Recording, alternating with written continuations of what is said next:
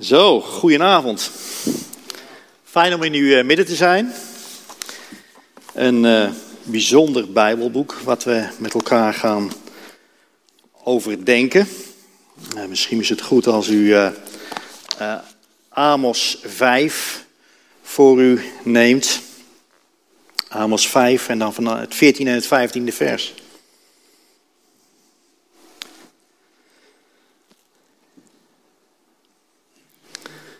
In Amos 5 luidt het woord van God al dus.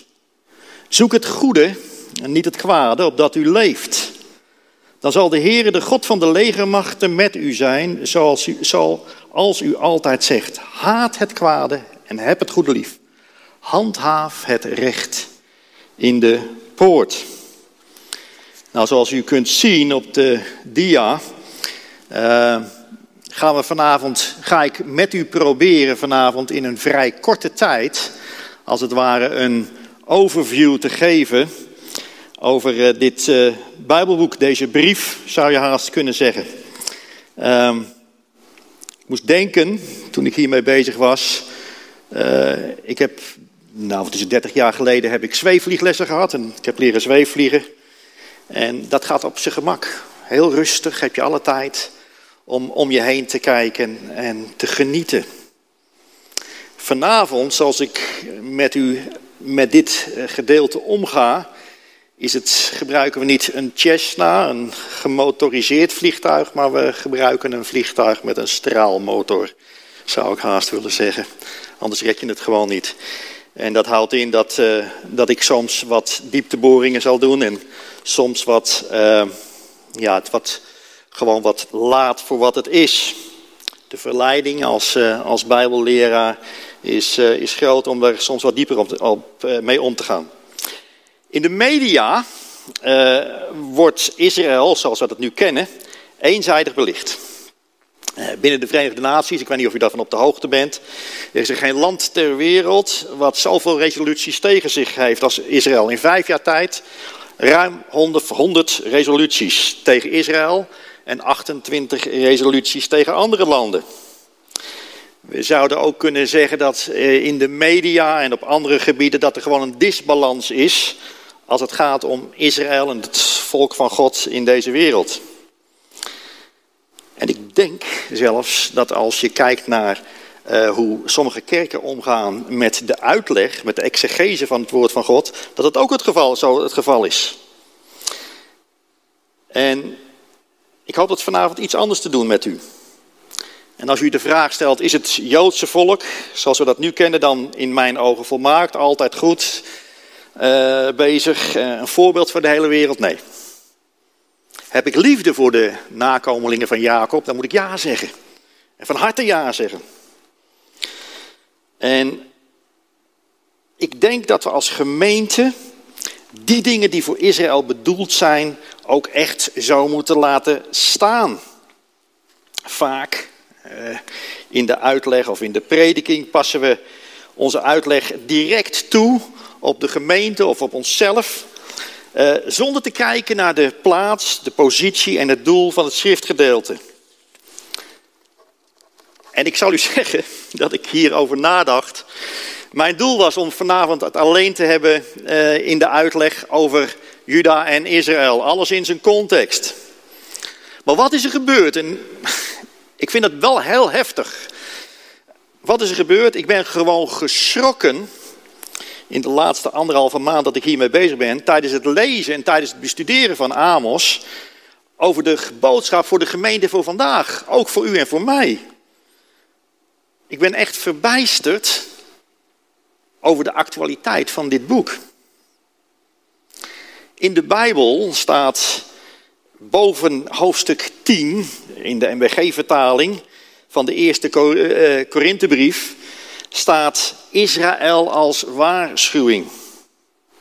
En als je 1 Korinthe hoofdstuk 10 voor die geweldige beloftes die daar in hetzelfde hoofdstuk gegeven wordt leest, dan staat daar, en ik geef u vanavond niet te veel tijd om alle teksten op te slaan. U kunt van mij al die teksten krijgen. Maar in 1 Korinthe hoofdstuk 10 vers 11 staat al deze dingen alles wat in het Oude Testament staat, alles wat hè, in het Eerste Testament staat, zijn nu zijn over, hun overkomen als voorbeelden voor ons. En ze zijn beschreven tot waarschuwing voor ons over wie het einde van de eeuw gekomen is. We kunnen heel lang praten over het einde van de eeuw, maar ik geloof dat we aan het einde van de eeuwen zitten. Dat de druk toeneemt, het werd al genoemd door Bert. En onmogelijk is het voor mij om de volle diepte en breedte van de woorden van Amos in dit korte tijdsbestek vanavond te behandelen. Zoals ik al zei, mijn voorkeur gaat naar verklarende prediking, vers voor vers, eenvoudigweg door een boek heen. Maar ik ben er wel van overtuigd dat God door zijn Heilige Geest deze inleiding tot Amos vanavond uh, voldoende diepte kan geven, als u erover nadenkt. Dat er vreugde uit vandaan kan komen, vrees, blijdschap en vrede als God zijn hulp en bijstand geeft. Nou ben ik jarenlang schoolmeester eh, geweest. En toch vind ik dat ik u toch heel eventjes, omdat ik zo vaak in gemeentes en in groepen tegenkom dat mensen zeggen: Het is moeilijk om de Bijbel te begrijpen. Het is heel kort. Welke vragen zou je moeten stellen als lezer als u uw Bijbel, als u een schriftgedeelte leest? Dus de vragen wie, wat, waar, wanneer, waarom en hoe. Gods woord is zo ontzettend rijk. We zijn ons daar veel te weinig van bewust. Psalm 119 zegt het volgende: Mijn ziel wordt verteerd van verlangen naar uw bepalingen ten alle tijden. Veel mensen vinden het moeilijk om, om de dingen te lezen en te begrijpen. Wat ik soms tegen mensen wel zeg, en ik zal u zeggen, ik heb Amos keer op keer in de afgelopen maand gelezen. Ik heb hem ook een keer of zeven gelezen in de Bijbel in gewone taal. Heel helder, heel duidelijk. Soms helpt dat je gewoon in je gedachtegang. En ik heb dat vaker gehoord van broeders en zusters. Er zijn hele handige hulpmiddelen om Gods woord te verstaan en te begrijpen. Deze vragen die worden onder andere gebruikt door journalisten, door politie, om een helder en duidelijk beeld te krijgen van wat bedoelt, wat is er gebeurd en wat bedoelt de Heere God in dit geval op het moment dat je het Bijbel leest daarmee. Het is zelfs zo, als, als u dat echt zou willen, ik heb uh, ooit een lange tijd gaf ik aan iedereen boekenleggers met een aantal van een aantal vragen en een aantal hulpmiddelen. Die kun, wil ik u met alle liefde geven. En ik merk ook heel vaak dat mensen uh, als hulpmiddel een Bijbelverklaring gebruiken. Prima, Pas alleen op. Pas op dat je het niet gaat lezen door de bril van de verklaarder, hoe goed dat ook is. Wees een bereer. Die bereers, zegt de handelingen, hoofdstuk 17, waren edeler, bereid, hadden bereidwilligheid, gingen dagelijks de schriften onderzoeken of de dingen zo waren zoals ze verteld werden. En ik denk dat wij dat moeten doen. Eh, veel, veel beter, veel liever zou ik hebben, om het zo maar te zeggen, dat mensen eh, schrift met schrift gaan vergelijken. Iedere bijbelschool zal, eh, docent zal zeggen, schrift met schrift vergelijken, dan is het duidelijk en helder genoeg. Wil je nadenken over Amos, dan moet je dat plaatsen in een historisch perspectief zijn een aantal basisvragen die ik aan het begin getoond heb, waarvan Israël in de Bijbel tegen mij zei van, joh, het zou fijn wezen als je dat zou kunnen meegeven. Nou, in het historisch perspectief kunnen we stellen dat er drie koningen zijn geweest die over heel Israël hebben geregeerd. De twaalf stammen. Saul, David en Salomo. Je hebt dan de splitsing van het Noordrijk en het Zuidrijk. Van de twaalf en de tien. Moesten we even denken bijna in de verleiding om daar verder op in te gaan, aan de tien verspieders en de twee verspieders. Toch weer een scheuring. Nou, wil je het boek Amos goed begrijpen, dan is het nodig om iets van Jerobiam te weten. Israëls koning op dat moment, de koning van de tien stammenrijk. Een kleine 2800 jaar geleden, dus nou, 2900 jaar geleden, uh, eh, 800 jaar voor onze jaartelling, wordt Jerobiam II, er is al een eerdere Jerobiam geweest, koning over Israël. Jerobiam is in tegenstelling tot andere koning over Israël de langst zittende. Dat is heel bijzonder. Net als zijn vader Joas had hij heel veel succes in oorlog, in de oorlogsvoering. Hij verdreef de Syriërs, staat er dan, ook uit het overjordaanse. Vervolgens treedt hij tegen Moab, staat tegen Ammon, het rijk van Hamad en Damascus.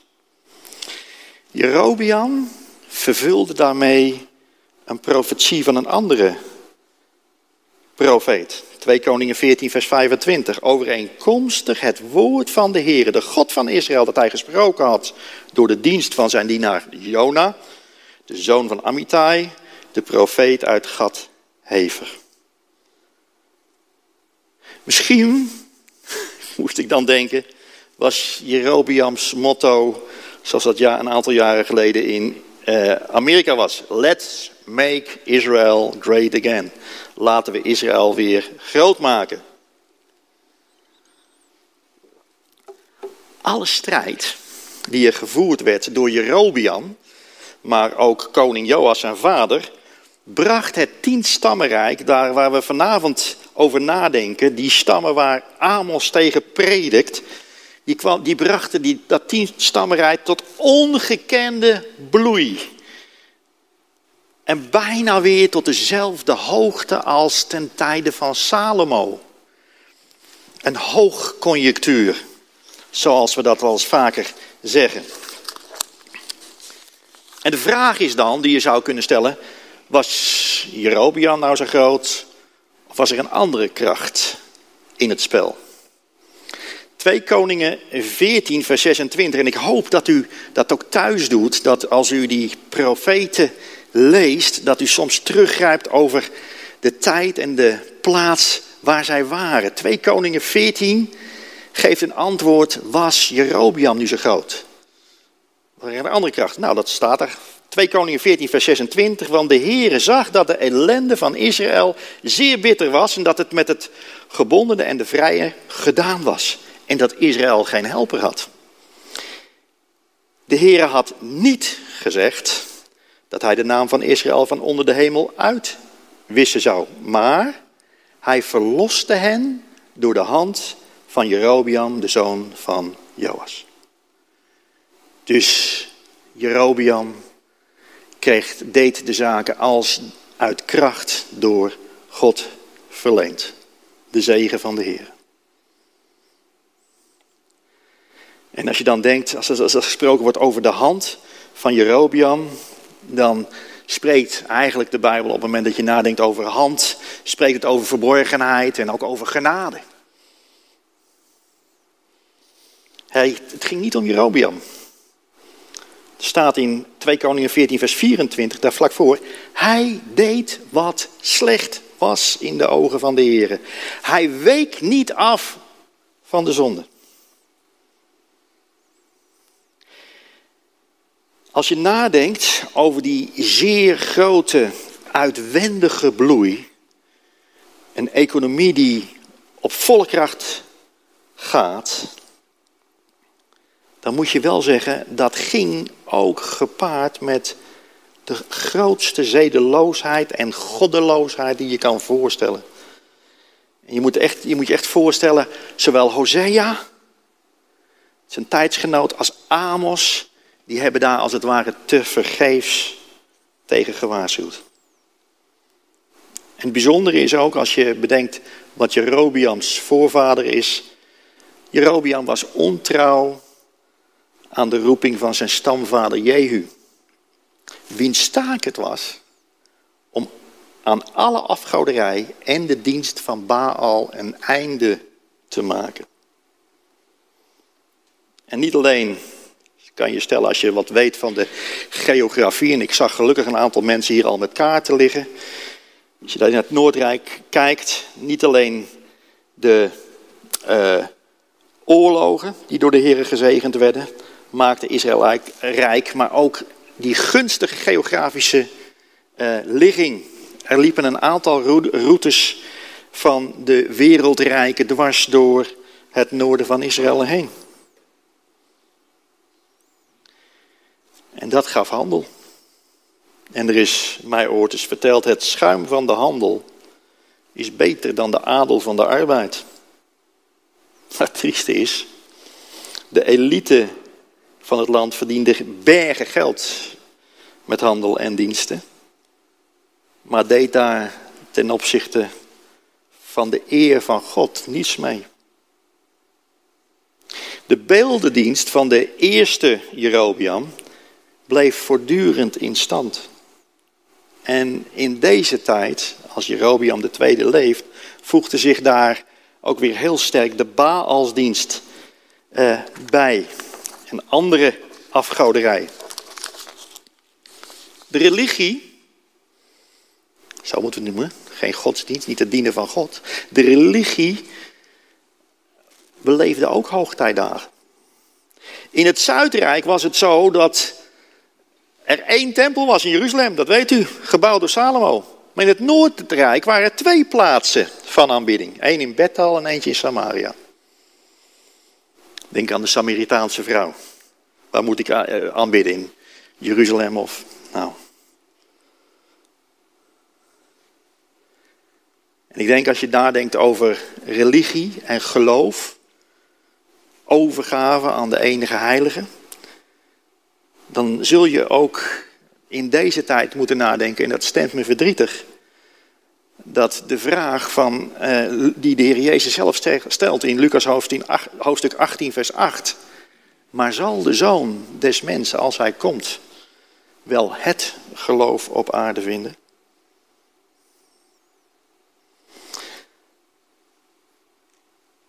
Was het geestelijk leven van Israël vol met zaken van heidense oorsprong? Wat was er onder andere aan de hand? Want het geestelijk leven, dat was er. Maar het was zo heidens als maar kan. Het geloof in die tijd was meer gericht op moeder aarde dan op vader God. Meer op een geschapen wereld dan de onzichtbare wereld. Meer op Baal en Astarte, man en vrouw. En als je een geloof hebt die letterlijk en figuurlijk aardsgericht is, dan ligt de boze op de vloer om de vleeselijke, de oude mens, of de niet wedergeboren mens te verleiden tot de meest gekke dingen. Baal en Astarte, datgene wat op dat moment in Israël plaatsvond, dat was geloof vermengd met seksualiteit. De tempelprostitutie vierde hoogtijd. Mensen,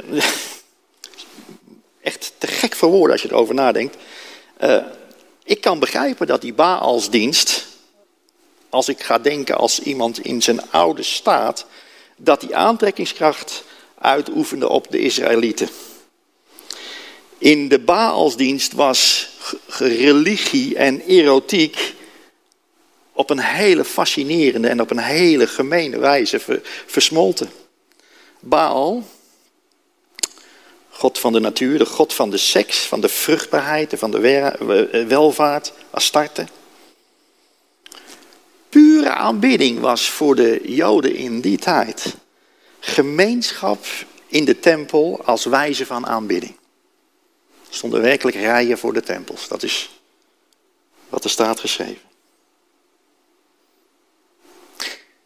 En ik moest denken, wij leven opnieuw in een tijd waarin we de aarde opnieuw als het ware verheffen. Wij leven in een tijd waarin het aards gericht zijn zelfs tot wet wordt gemaakt. We spreken nu van moeder aarde en de milieuoffers die we aan haar moeten brengen om haar gunstig te stemmen zodat het ons goed gaat, zodat de temperatuur een paar graden naar beneden gaat, zijn enorm. En die worden, als je de plannen van de Verenigde Naties leest, zo absurd gek. Dat wij als kinderen Gods echt daartegen zullen moeten ageren. Wij zullen daar als kinderen Gods echt een standpunt in moeten nemen. Op dit moment is het zo dat we, en ik hoor, ik zeg niet dat we geen rentmeester moeten zijn. Maar als ik sommige christenen hoor praten over moeder aarde, dan, en, en de grote offers en de grote dingen die ze daarvoor wilden doen, dan denk ik, breng je net zoveel offers aan de Heere God? En je moet je ook niet, je moet ook eigenlijk gewoon bedenken, de aarde is geen zij, het is een het. Dood in zichzelf. En alleen maar vruchtengevend door vaders genade. Ook de wereld wil nu, van nu, die wil ons doen geloven dat wij de natuur in onze handen hebben. Dat wij zelf door besluiten onze aardetemperatuur een paar graden kunnen laten zakken. Precies als in de tijden van Amos. In plaats dat we op onze knieën gaan, gaan beleiden, ons gaan overgeven, ons gaan bezighouden met die ene die voor ons aan het kruishout van Gogolta heeft gestorven. Is gestorven. En opgestaan. Weet u wat ik wel eens denk? Ik moet denken aan een oud geestelijk lied. He's got the whole world in his hands. Hij heeft de hele wereld in zijn handen. Niet wij, niemand anders. Jezaja zegt dat heel mooi. Jezaja 40, vers 12. Wie heeft de wateren met de holte van zijn hand opgemeten? Of van de hemel met een span de maat genomen? Of het stof van de aarde met een maatbeker gevat? Of de bergen gewogen in een wagen? En of, of de heuvels op de, aarde, op de aarde op een weegschaal? Jezaja stelt als profeet hele heldere, duidelijke vragen. Als wij als kinderen Gods ons niet bezighouden met de ene en ware, dan gaan we de fout in. Raken we het beeld kwijt. In welke tijd profeteerde Amos? Nou, u kunt het zien. 40 jaar. Jerobian was 40 jaar koning, 793 tot 753. In het zuiden hadden we twee koningen. En gedurende die hele tijd zie je een aantal profeten voortdurend. Jona, Hosea en Amos.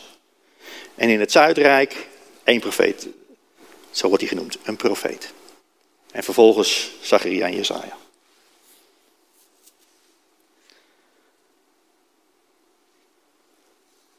Uzia, een van de langst zittende koningen van het tweestammen tellende Zuidrijk, was daar koning ten tijde van Amos. Toen hij zijn bediening in het Noordrijk had, als zuideling. Amos, de profeet uit Tekoa, staat er. Een man die onder de moerbijbomen zat. Een man die zich met het vee van het land bezighield. Werd door God naar het Noordrijk gestuurd. Om daar als man uit het buurland een boodschap te geven. Overigens heel apart. Daar moest ik over nadenken. Als je alle jaartellingen, of alle jaren telt van de goede koningen van het tweestammenrijk. En je gaat het delen. Dan zie je dat rechtvaardige koningen gemiddeld. Ik vond het heel grappig. Ik hou eens wat van cijfers. 33 jaar regeerden. Waar doet de 33 je aan denken? Vul maar in, de Heer Jezus. Als dat geen heenwijzing is naar de heiland. Jerobiam die had zijn oorlogen gevoerd aan het begin van zijn koningschap. Uh, als je daarover nadenkt. Door het voeren van die oorlogen was er uiteindelijk rust en vrede in het land in het tienstammenrijk, zoals ze nog nooit eerder gekend hadden. Mensen verdienden enorm veel. Er was een toplaag in de bevolking eh, die zelfs twee huizen Sommigen ter grootte van een paleis zouden wij zeggen, bezaten. Eh, als het echt ziet, onroerend goed, die steeg tot enorme hoogte. De import en de export was fantastisch. Een hele hoge levensstandaard, luxe goederen, overdaad, jetset, amusement. Er werd gegeten, werd gedronken, de alcohol vloeide rijkelijk. Er waren statussymbolen, er was seksuele ontsporing, omkoping, een, rijk, een rechtspraak die je als rijke naar je hand kon zetten. Zeven dagen per week aan het werk. Geld en materieel. Ik zou haast zeggen zoals het nu is. Maar als dat een hele lange tijd duurt, dan zijn er mensen die zeggen op het moment dat een volk een lange tijd geen oorlog heeft meegemaakt, maakt dat mensen minder alert. Ze worden verwend, ze zijn ondankbaar, letterlijk en figuurlijk wordt het karakter van de mensen slapper.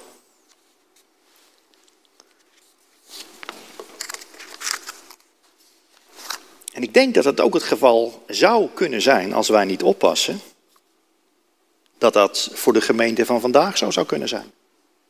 Wij zijn ontzettend rijk. Wij in Nederland zijn ontzettend rijk in geld en goed.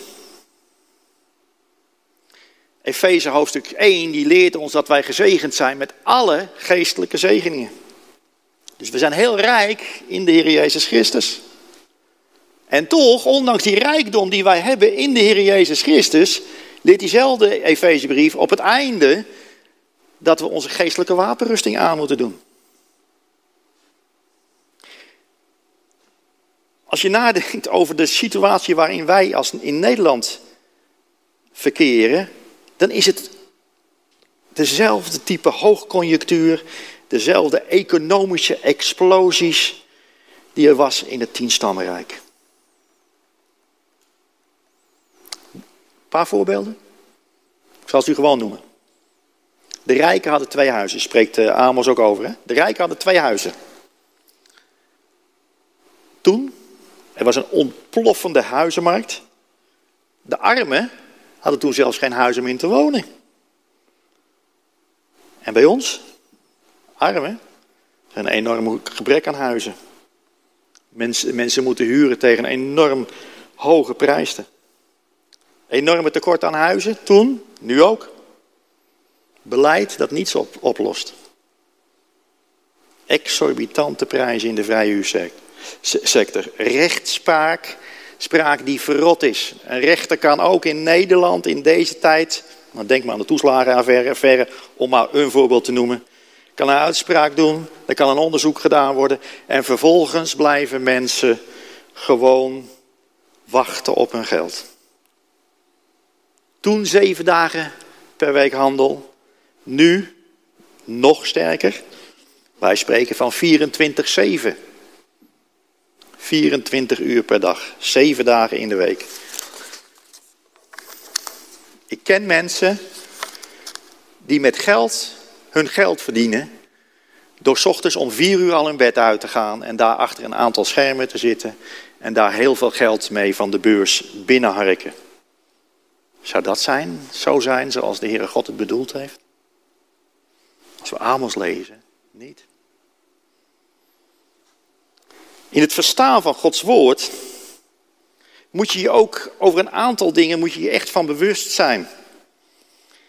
En ik geef heel bewust vanavond iets door van uh, wat exegetische, wat bijbeluitlegzaken, uh, uh, die je gewoon moet weten op het moment dat je met het woord van God bezighoudt. De Bijbel is opgedeeld echt in tijdsblokken, in periodes, bedelingen wordt het ook wel genoemd, in verbonden. Soms is het zo dat zaken totaal anders zijn als in de vorige bedeling. En ik wil geen hele uitgebreide behandeling, uh, verhandeling geven over bedelingen. is niet de, niet de plaats, nog de tijd.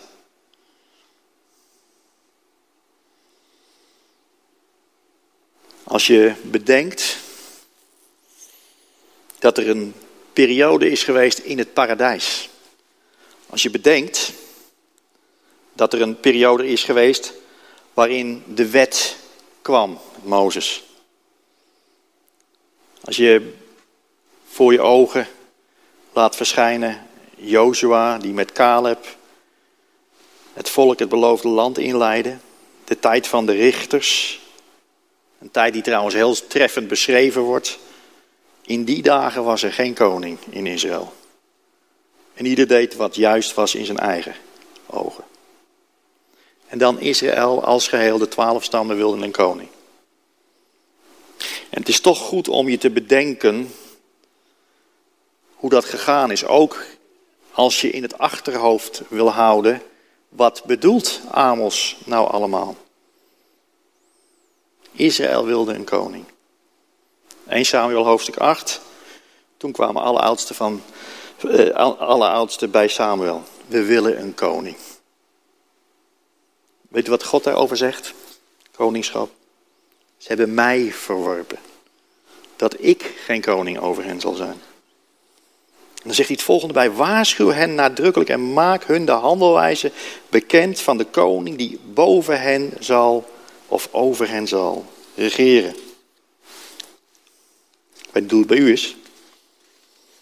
Een heer boven je, anders dan de heren der heren, komt met een grote prijs.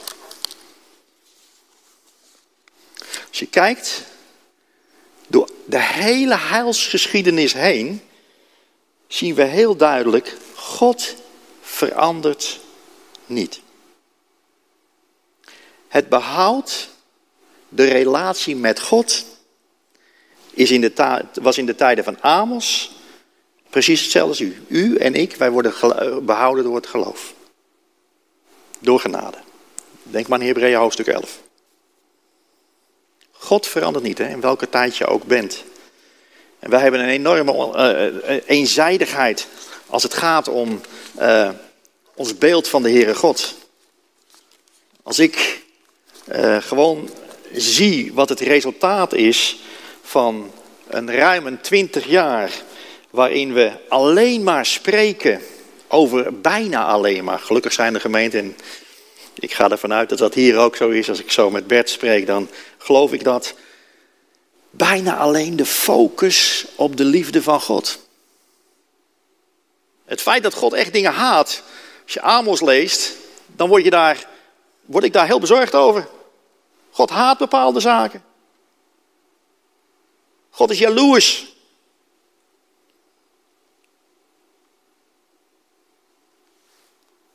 En dan alleen maar focussen op één aspect is heel gevaarlijk.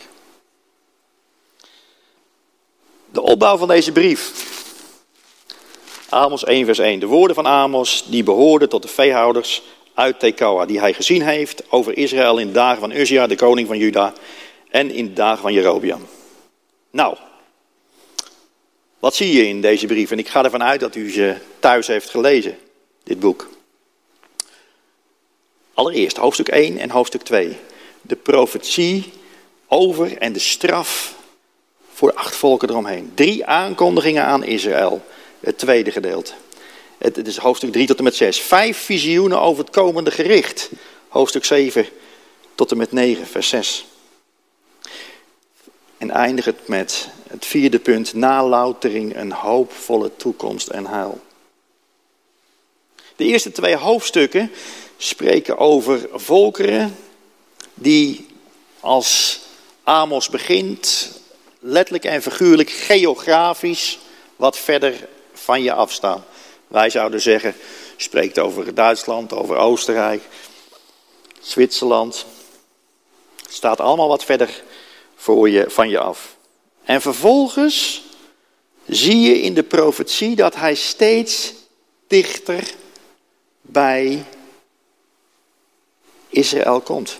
Als hij nog over Juda spreekt, misschien dat er mensen rondom hem gestaan hebben terwijl hij stond te profiteren, die zeiden, dat is echt wat ze nodig hebben. Israël, Israël die zal zeggen van, Juda, God zal er echt mee moeten handelen. En tenslotte begint Amos te spreken over Israël, over de tien stappen. Weet u wat heel heftig is en ook heel verdrietig voor de acht volken? Is datgene wat voortdurend repeterend wordt gezegd in Amos. Vanwege drie overtredingen van, ja, vanwege vier. En dan zegt hij, zal ik er niet op terugkomen, omdat zij. En dan geeft hij een reden. Je ziet in het spreken van de heilige dat hij als het ware er helemaal klaar mee is. Zo zouden wij dat zeggen. En hij is ook heel duidelijk omdat ze dat en dat gedaan hebben. Ik denk wel eens, als ik met christenen spreek en hun vraag over hun wandel en hun handel met God, dat ze vergeten dat God al je zonde ziet. Vergeving is er, hè? Maar hij ziet alles. Vergeet niet dat de tweede Korinthebrief en de Romeinenbrief spreekt over het feit dat wij zullen moeten verschijnen voor de rechterstoel van God, voor Christus. Bij ons zal er geen straf volgen. Maar let wel op, het is belangrijk om erop erop te letten, om er echt je ervan bewust te zijn dat iedereen zal ontvangen van datgene wat hij in het lichaam gedaan heeft. Die eenvoudige schapenboer, Amos, drager van lasten, betekent zijn naam, uit het buurland Juda, werd door God gebruikt om Israël, dat ver van de Allerhoogste was afgedwaald, tot bekering te roepen. En bij Amos is het zo dat het als het ware dat God spreekt als het ware door de knoet. En later door Hosea met lieflijke woorden. Bij het ene met het verstand, met de andere profeet veel meer met het hart. En in beide kom je ook andere dingen tegen, maar vooral bij Amos. Dan zie je het zo duidelijk dat de Heere God het gewoon, er gewoon klaar mee is.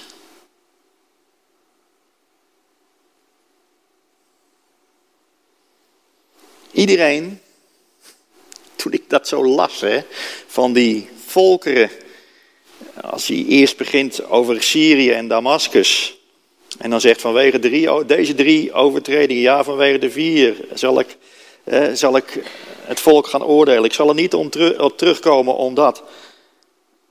Ik denk dat, en misschien zelfs op het moment dat Israël hoorde over de straf die voor Israël zou volgen, dat iedereen zoiets had van, die daarbij stond, zoiets had van, goed gezegd, Amos.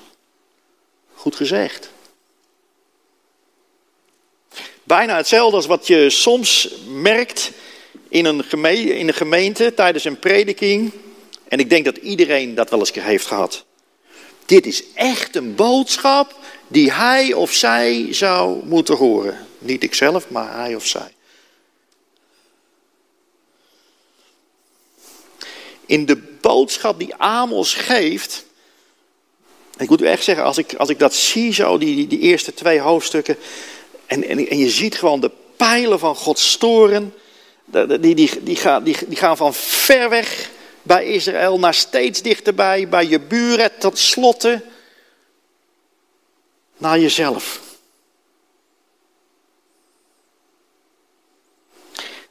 En toch, als je heel Amos leest, dan kom je de keer op keer achter dat God weer in een rechter verhouding wil komen met Israël. Zoals, ik weet niet hoe u vanavond zit of hoe vanavond mensen kijken. Zoals de Heer verlangend is dat als u hem van verre volgt, dat je wederom jezelf bekeert. Ik moest, dan, ik moest denken, terwijl ik, daar, terwijl ik met dit schriftgedeelte bezig was, aan een heel oud lied van de Lighters. Als je je bekeert, pas dan komt er vrede. En er zijn in gemeentes nogal wat mensen die helemaal geen vrede kennen. Als u Amos leest en u zegt tegen uzelf, ik herken me, dan is het goed om voor jezelf op dat moment dan ook heel duidelijk te zeggen, ik moet me bekeren. Ik wil weer die oude vrede terug.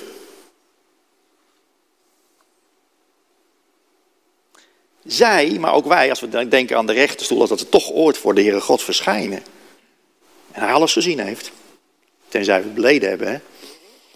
Corrie ten Boom zei, helemaal in die zee van vergetelheid. Niet vissen.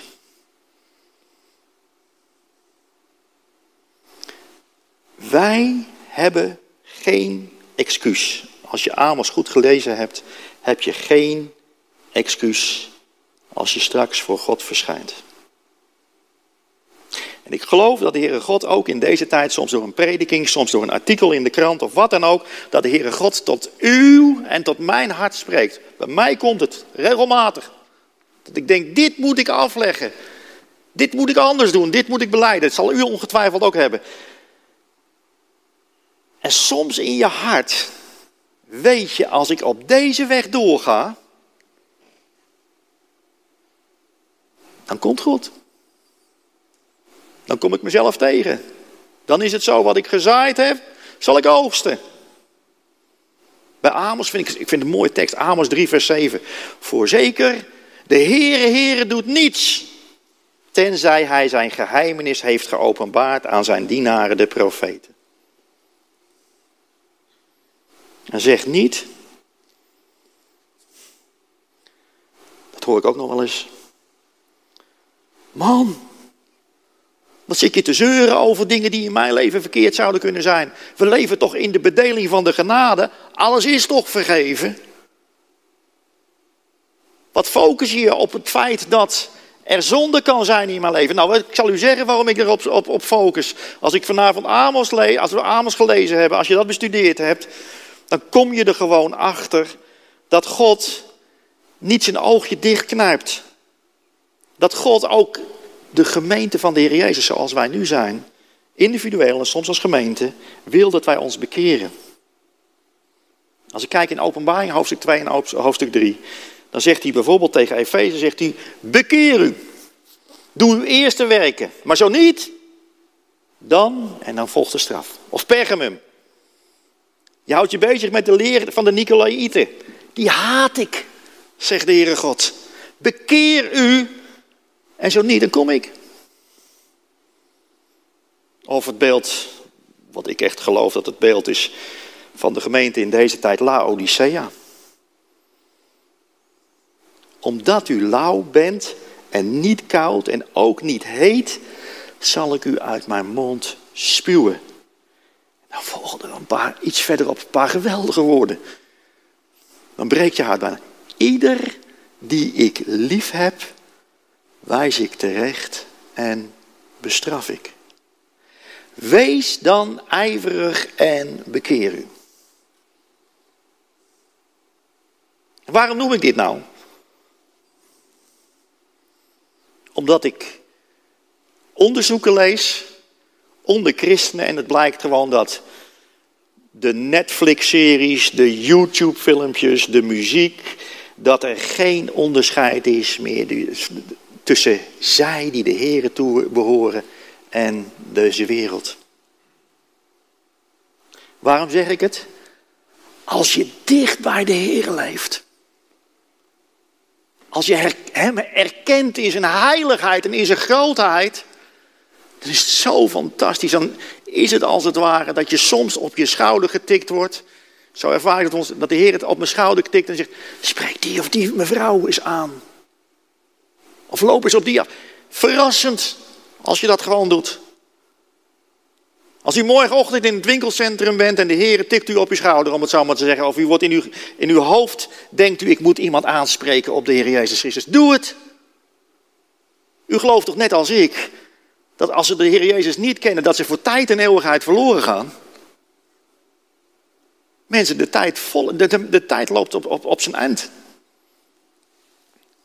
Wat je ziet bij Amos, is dat, om het zo maar te zeggen, de huwelijksband met het gehele Joodse volk, maar ook met ons, die is onverbrekelijk.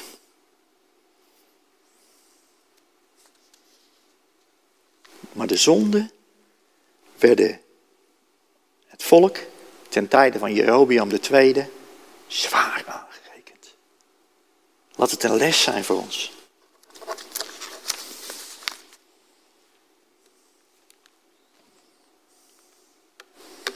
Amos gebruikt beeldtaal. U ziet ze staan. Hoofdstuk 7, vers 4. Het visioen van het allesverterende vuur. Daar staat het volgende. Vers, hoofdstuk 7, vers 4. Dit heeft de Heere Heere mij laten zien. En zie, de Heere Heere riep uit dat hij een rechtszaak wilde voeren door middel van vuur. Hij verslond de grote watervloed. Ook verslond het een stuk land. Toen zei ik, Heere, Heere, hou toch op. Hoe zou Jacob staande kunnen blijven? Hij is immers klein. Toen kreeg de Heere hier berouw over. Ook dit zal niet gebeuren, zei de Heere. Kom je nog een keer tegen. Toen kreeg de Heere berouw over. Er berouw over. Het zal niet gebeuren. Bij Amos zie je niet, is hij niet alleen profeet, maar hij is ook priester. Hij, hij verkeert, dat vind ik prachtig. Hij neemt de rol van bidder op zich. Hij is geschokt als hij dat alles verterende vuur ziet. Dan roept hij het uit. Heere, Adonai, Heere, Yahweh. Dat was, houd toch op. Wat is dat een bemoediging. Als er één ding is, wat ik u vanavond in ieder geval mee wil geven, is God hoort uw en mijn gebeden.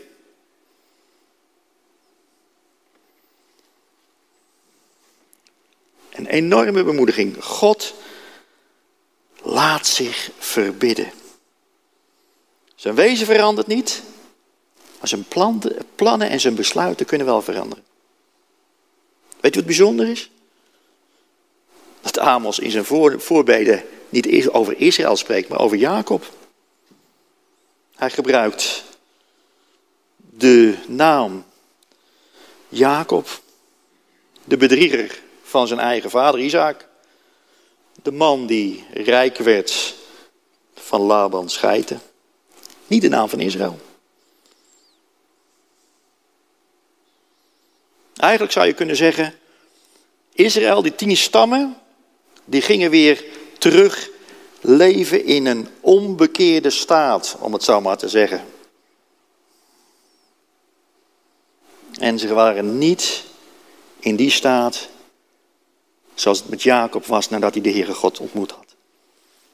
Jacob, de mens, geboren uit de mens.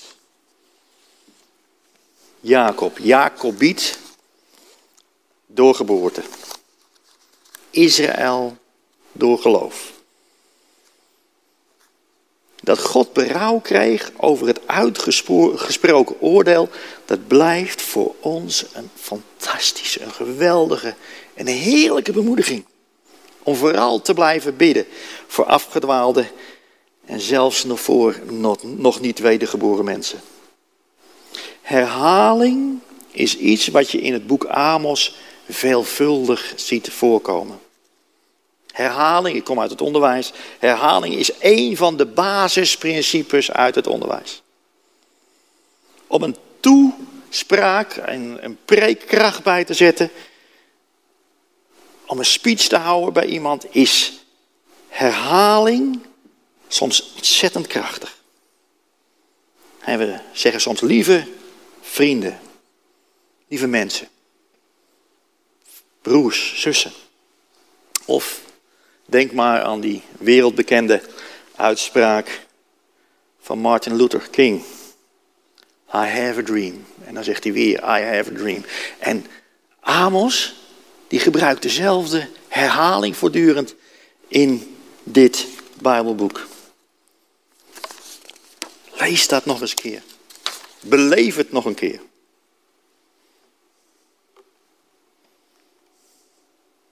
Toch hebt u hebt gij u niet tot mij bekeerd.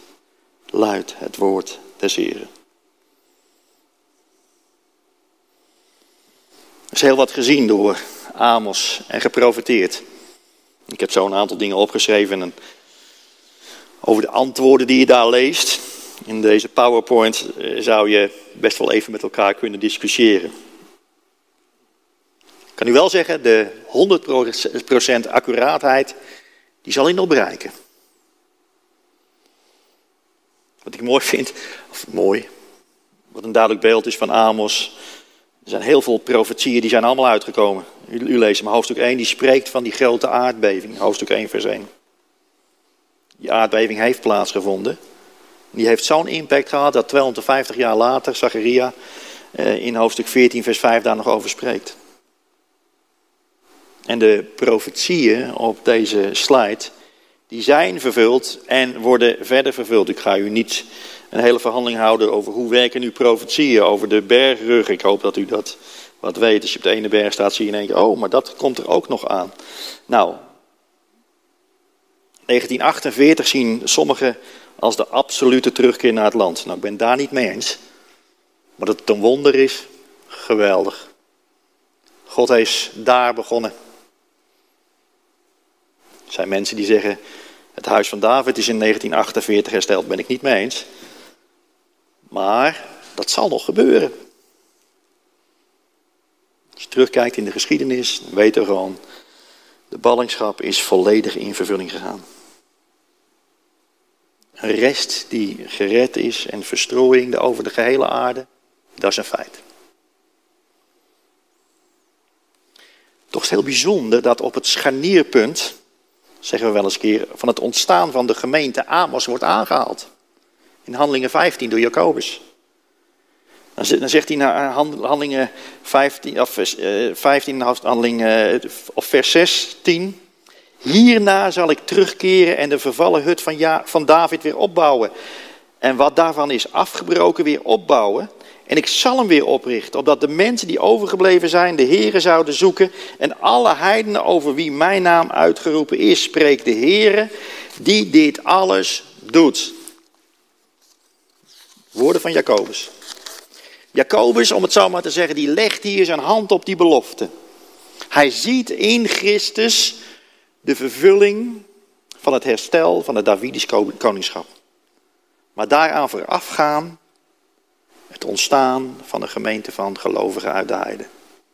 Het heil is niet alleen voor Israël, maar voor de gehele mensheid, vers 17 van Handelingen. Let, misschien moet je dat, als u dat thuis bent, maar als je kijkt, kijk, er is een verschil in woordkeus. Jacobus zegt niet, eh, zoals Amos, ten dien dagen, maar zegt na deze. Er is dus heel duidelijk een sprake van een volgorde. Van stappen die genodigd, eh, eh, genomen worden. Het eerste is, God vergadert zich eerst een volk uit de heidenen. Staat in hoofdstuk 15, vers 14 van de Handelingen. Daarna komt hij weder, staat er, om de vervallen hut van David weder op te bouwen. Vers 16 in hoofdstuk 15. Met als gevolg dat het overige deel van de mensen de Here zoeken.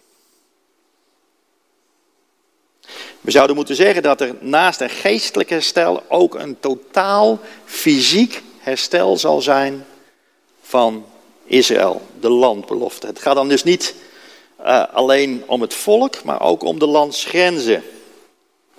Die liggen echt een heel stuk verder dan de grenzen van Israël zoals wij dat nu kennen. Zoals beloofd zijn. Ik denk dat het totale herstel van het huis van David en terugkeer naar het land van alle twaalf stammen nog iets is wat in de toekomst zal gebeuren. Tot slot.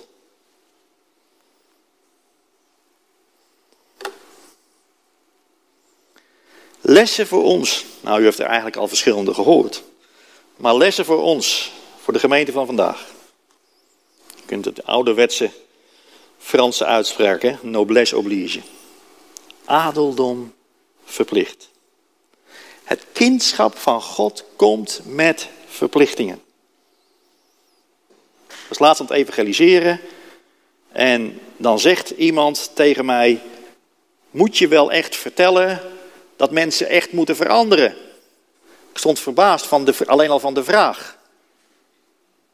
zou zo moeten zijn dat wij bekering, je omdraaien, prediken.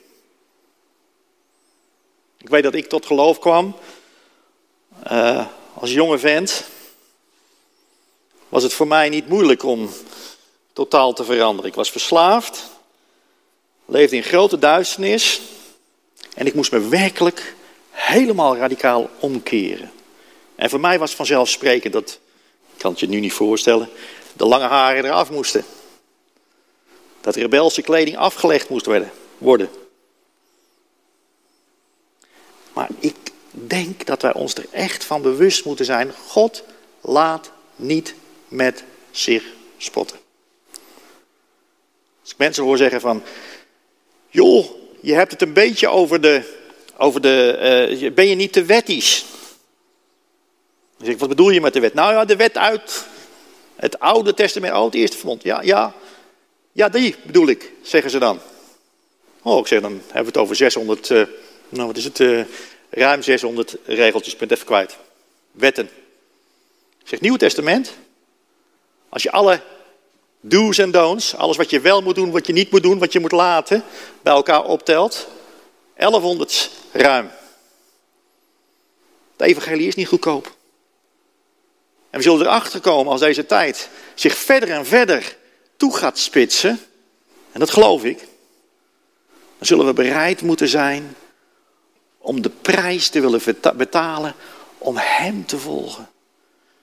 Dan zullen we bereid moeten zijn om die heiland die voor ons alles heeft afgelegd, zijn leven heeft afgelegd, voor u en voor mij zonder is gestorven, dat we bereid zullen zijn om werkelijk een prijs te betalen.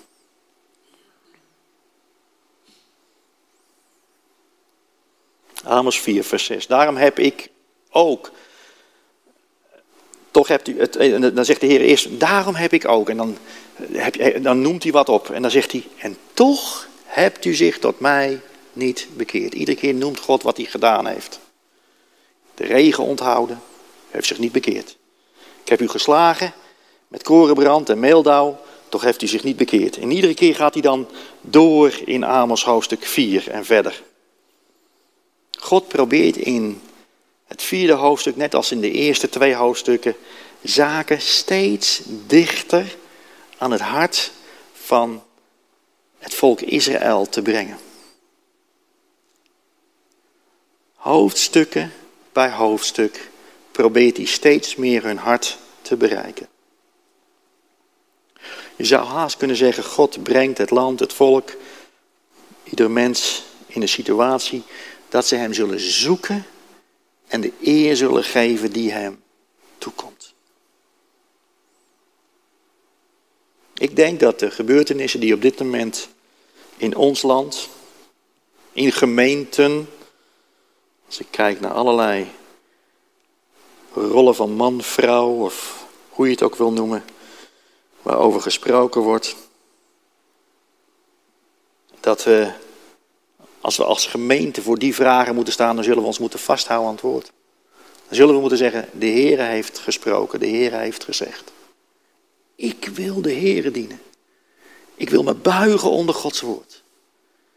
Ik wil net als alle, alle, alle discipelen zichzelf noemen. Want wij lezen dan vaak dienstknecht, daar staat doulos, slaaf. Ik wil een slaaf van Christus zijn. Weet wat verslaafd in is, eh, inhoudt. Maar ik wil een slaaf van Hem zijn.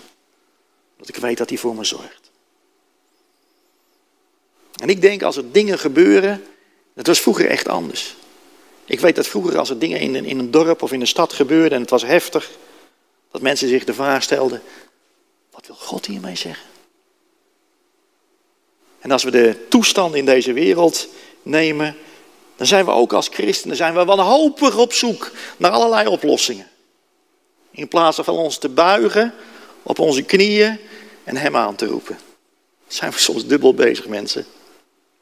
We hebben een Vader in de hemel. We hoeven alleen maar hoeven onze handen te vouwen. En Hebreeën zegt, u en ik, we kunnen zomaar ingaan in het heiligdom. U kunt de voorbeelder worden, net zoals Amos. En God zegt dan, ik wijzig mijn plannen.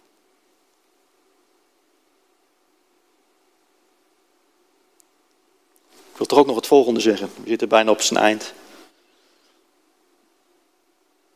Maar ik las een tijd geleden een boekje en ook een artikel van christenmuzici. En die stelden zich de, een aantal vragen bij de lofprijs en aanbiddingsdiensten die wij in onze tijd hebben. En begrijp me goed. Ik heb ooit, ben ik wel een beetje trots op, ik heb ooit een klein een jaartje heb ik op een Urkerkoor gezeten. Fantastisch, ik was geen Urker, maar ik, was een, ik mocht op dat Urkerkoor. Ik vind het heerlijk om te zingen. Maar deze christenmuzici die, zich, die stelden zichzelf gewoon de vraag over de zangdiensten, over de aanbiddingsteams die we nu hebben. Stelden gewoon een vraag. Gaat het niet om God? Gaat het om onszelf? Komen we onder de indruk van het werk van de Heer, van de Heer Jezus? Of zijn we onder de indruk van de licht- en muziekshow? Of de vraag, wordt de Heer zelf groot gemaakt? Of gaat het om ons gevoel? Kritisch.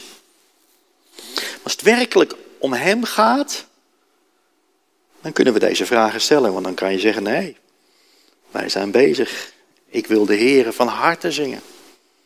Ik zal de Heer ten alle tijden loven.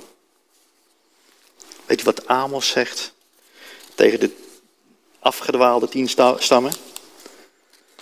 Wat de Heer tegen hen zegt in Amos 5, vers 23. Ik vind het heftig vers. Amos 5, vers 23 zegt: Doe het lawaai van uw liederen van mij weg. En het getokkel van uw luiten kan ik niet aanhoren.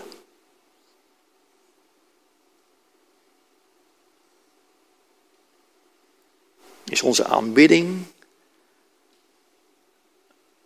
echt gericht op een driemaal heilig God? Is onze aanbidding naar Hem toe gebaseerd op dat ene offer, gebracht op het kruishout van Golgotha?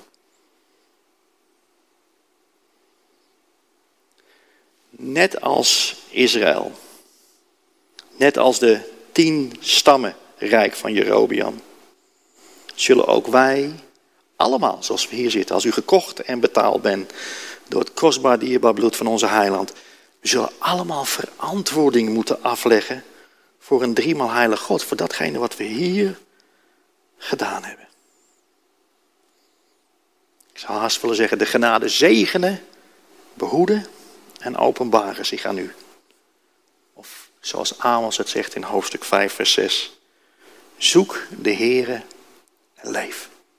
Amen.